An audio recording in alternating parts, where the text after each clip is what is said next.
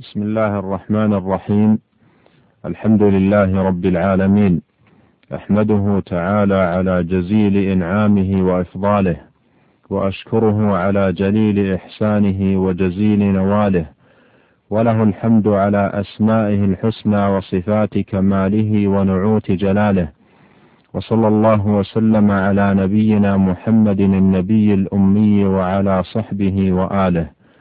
أما بعد أيها المستمعون السلام عليكم ورحمة الله وبركاته.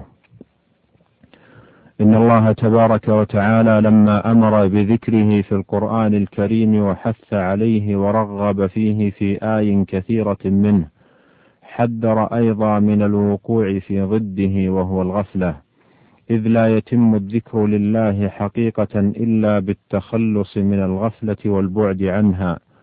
وقد جمع الله بين هذين الأمرين في آية واحدة من القرآن الكريم. أعني الأمر بالذكر والنهي عن الغفلة. وذلك في قوله تعالى من آخر سورة الأعراف واذكر ربك في نفسك تضرعا وخيفة ودون الجهر من ودون الجهر من القول بالغدو والآصال ولا تكن من الغافلين. والمراد بقوله في الآية ولا تكن من الغافلين أي من الذين نسوا الله فأنساهم أنفسهم فإنهم حرموا خيري الدنيا والآخرة وأعرضوا عمن كل السعادة والفوز في ذكره وعبوديته وأقبلوا على من كل الشقاوة والخيبة في الاشتغال به. وفي الآية أمر بالذكر والمواظبة عليه وتحذير من الغفلة وتحذير من سبيل الغافلين. والغفلة أيها الأخ المستمع داء خطير. إذا اعترى الإنسان وتمكن منه لم يشتغل بطاعة الله وذكره وعبادته بل يشتغل بالأمور الملهية المبعدة عن ذكر الله. وإن عمل أعمالا من الطاعة والعبادة فإنها تأتي منه على حال سيئة ووضع غير حسن فتكون أعماله عارية من الخشوع والخضوع والإنابة والطمأنينة والخشية والصدق والإخلاص. ولهذا جاء في القرآن الكريم في مواطن كثيرة منه التحذير منها وذمها وبيان سوء عاقبتها وأنها من خصال الكافرين وصفات المنافقين المعرضين.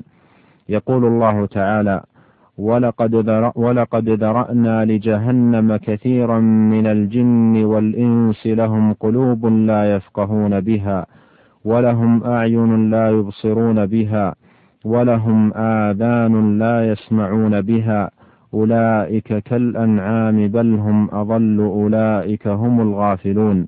ويقول تعالى إن الذين لا يرجون لقاءنا ورضوا بالحياة الدنيا واطمأنوا بها والذين هم عن آياتنا غافلون أولئك مأواهم النار بما كانوا يكسبون. ويقول تعالى يعلمون ظاهرا من الحياة الدنيا وهم عن الآخرة هم غافلون والآيات في هذا المعنى كثيرة. أيها الإخوة المستمعون إن مثل الغافل عن ذكر الله مثل الميت وقد تقدم معنا في حلقة ماضية أن الذكر هو حياة القلوب حقيقة فلا حياة لها بدونه وحاجتها إليه أعظم من حاجة السمك إلى الماء فالقلب الذاكر هو القلب الحي والقلب الغافل هو القلب الميت.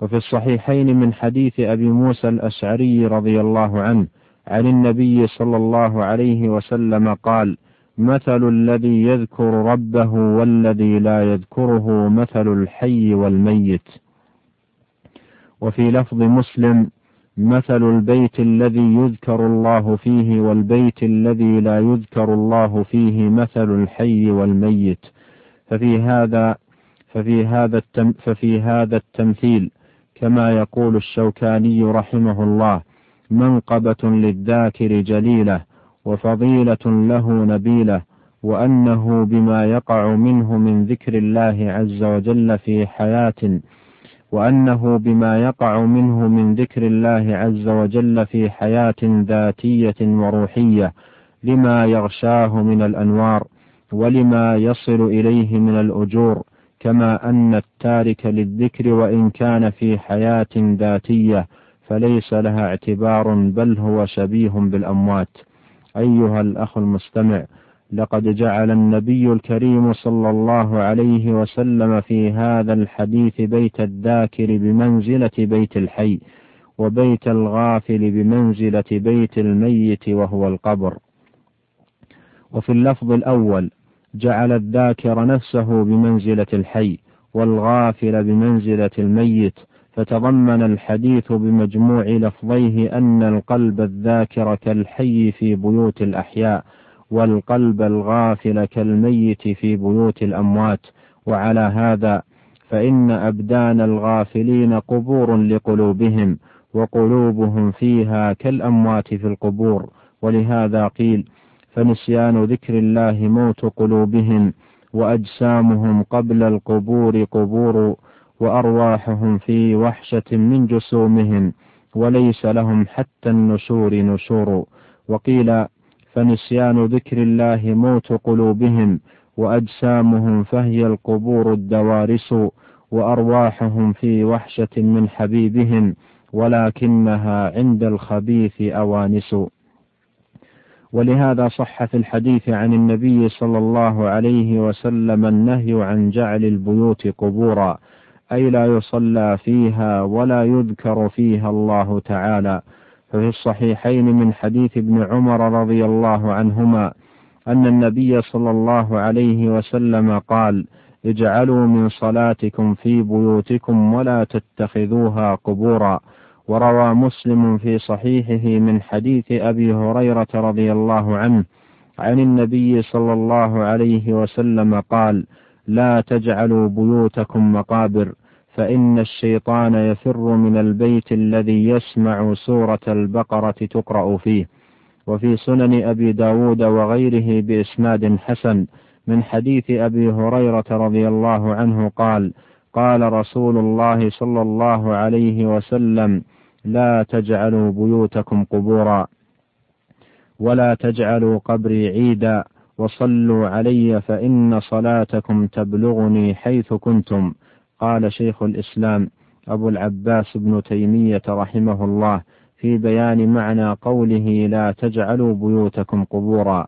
قال أي لا تعطلوها من الصلاة فيها والدعاء والقراءة فتكون بمنزلة القبور. فأمر بتحري العبادة في البيوت ونهى عن تحريها عند القبور عكس ما يفعله المشركون من النصارى ومن تشبه بهم. انتهى كلامه رحمه الله. أيها الإخوة المستمعون ولما كان القلب بهذه المثابة يوصف بالحياة وضدها انقسمت القلوب بحسب ذلك إلى ثلاثة أقسام. الأول القلب السليم وهو الذي سلم من أن يكون لغير الله فيه من أن يكون لغير الله فيه شرك بوجه ما بل قد خلصت عبوديته لله تعالى. الثاني ضد هذا وهو القلب الميت الذي لا حياة فيه فهو لا يعرف ربه ولا يقوم بعبادته وطاعته سبحانه وتعالى.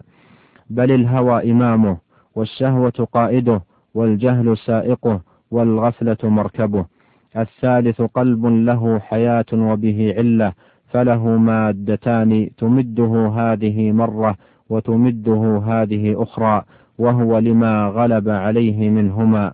فالقلب الأول حي مخبت لين والثاني يابس ميت والثالث مريض. فإما إلى السلامة أدنى وإما إلى العطب أدنى. وعلى هذا فإن القلب لكي تبقى له حياته وتزول عنه غفلته وتتم له استقامته محتاج إلى ما يحفظ عليه قوته وهو الإيمان وهو الإيمان وأوراد الطاعات والمحافظة على ذكر الله والبعد عن كل ما يسخط الله تبارك وتعالى ولا سعادة للقلب ولا لذة ولا نعيم ولا صلاح إلا بأن يكون الله وحده إلهه وفاطره ومعبوده وغاية مطلوبه وأحب إليه من كل ما سواه فبهذا تكون نجاة القلب من الغفلة وسلامته من الهلكة وبهذا تسري فيه الحياة. وإلى لقاء آخر والسلام عليكم ورحمة الله وبركاته.